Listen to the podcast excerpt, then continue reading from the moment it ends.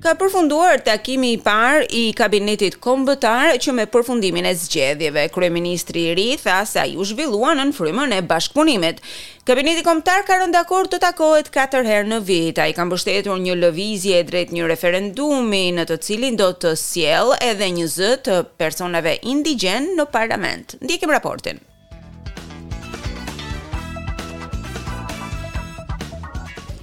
Kryeministri Anthony Albanese u zotua se do të vazhdojë të japë fonde shtesë në drejtim të shëndetësisë për të gjitha shtetet australiane. Ai e bëri këtë në takimin e tij të parë të kabinetit kombëtar.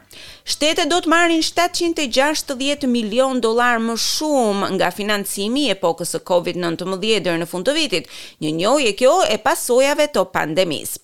Zoti Albanese tha se marrëveshja e kabinetit kombëtar nuk ka të bëjë vetëm me financimin, por edhe me formimin e një rrjeti të ri shëndetësor, i cili do t'i nxjerrë njerëzit nga departamenti i urgjencës dhe do t'i kalojë ata në sistemin e mjekëve të përgjithshëm. Premieri i New South Wales, Dominic Perrottet u bashkua me udhëheqësit e tjerë të shteteve dhe të territoreve dhe i mirëpriti fondet shtesë.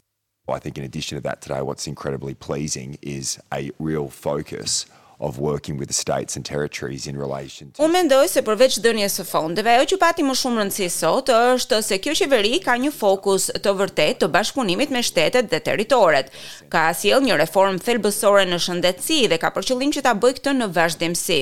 Ajo që mora sot nga kryeministri është një fokus i ri ndaj shëndetësisë, sepse me të vërtetë sistemet shëndetësore në të gjitha shtetet dhe territoret kanë nevojë për mbështetje. Po kalojmë një periudhë me të vërtetë shumë të vështirë, tha ai. Por shëndetësia nuk ishte tema e vetme që u diskutua. Kryeministri thotë se emigracioni po vuan nga një numër aplikacionesh në viza të cilat akoma nuk janë shqyrtuar. Kjo për shkak të vonesave të epokës së Covid, të cilat kanë sjellë një presion të jashtëzakonshëm mbi punonjësit e Departamentit të Punëve të Brendshme. Zoti Albanese ka premtuar se do t'i ndihmojë të gjitha ato biznese të cilat kanë patur nevoja në forcën e punës dhe që po mundohen të sjellin këtë forcë pune nga vendet e tjera. and they're waiting twelve or eighteen months before they're actually able to take their place in workplaces around the country.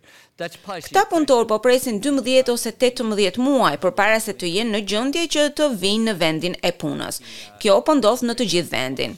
Kjo ka sjellë presione në sektorin e ndërtimit, në infrastrukturë dhe po sjell edhe rritjen e kostove. Gjithashtu, ka ushtruar presion në ofrimin e shërbimeve. Emigracioni i afatshkurtër duhet të jetë pjesë e zgjidhjes për mungesën e kualifikimeve dhe trajnimit brenda forcës së punës australiane. Ne do të punojmë me komunitetin e biznesit në mënyrë bashkëpunuese për të zgjidhur menjëherë këto probleme. Kabineti Kombëtar shprehu gjithashtu edhe mbështetjen e tij për angazhimin e qeverisë për mbajtjen e një referendumi i cili do të sjellë një zë indigjen në parlament, Zoti Albanese thotë se mbështetja e shteteve dhe territoreve do të ndihmojë në suksesin e propozimit të bërë në deklaratën e Uluru nga zemra. As one of my colleagues here said, if not now, when? And we're very concerned that five years after the Uluru Statement from the Heart, Siç e tha edhe një nga kolegët e mi këtu, nëse nuk e bëjmë tani, kur do ta bëjmë?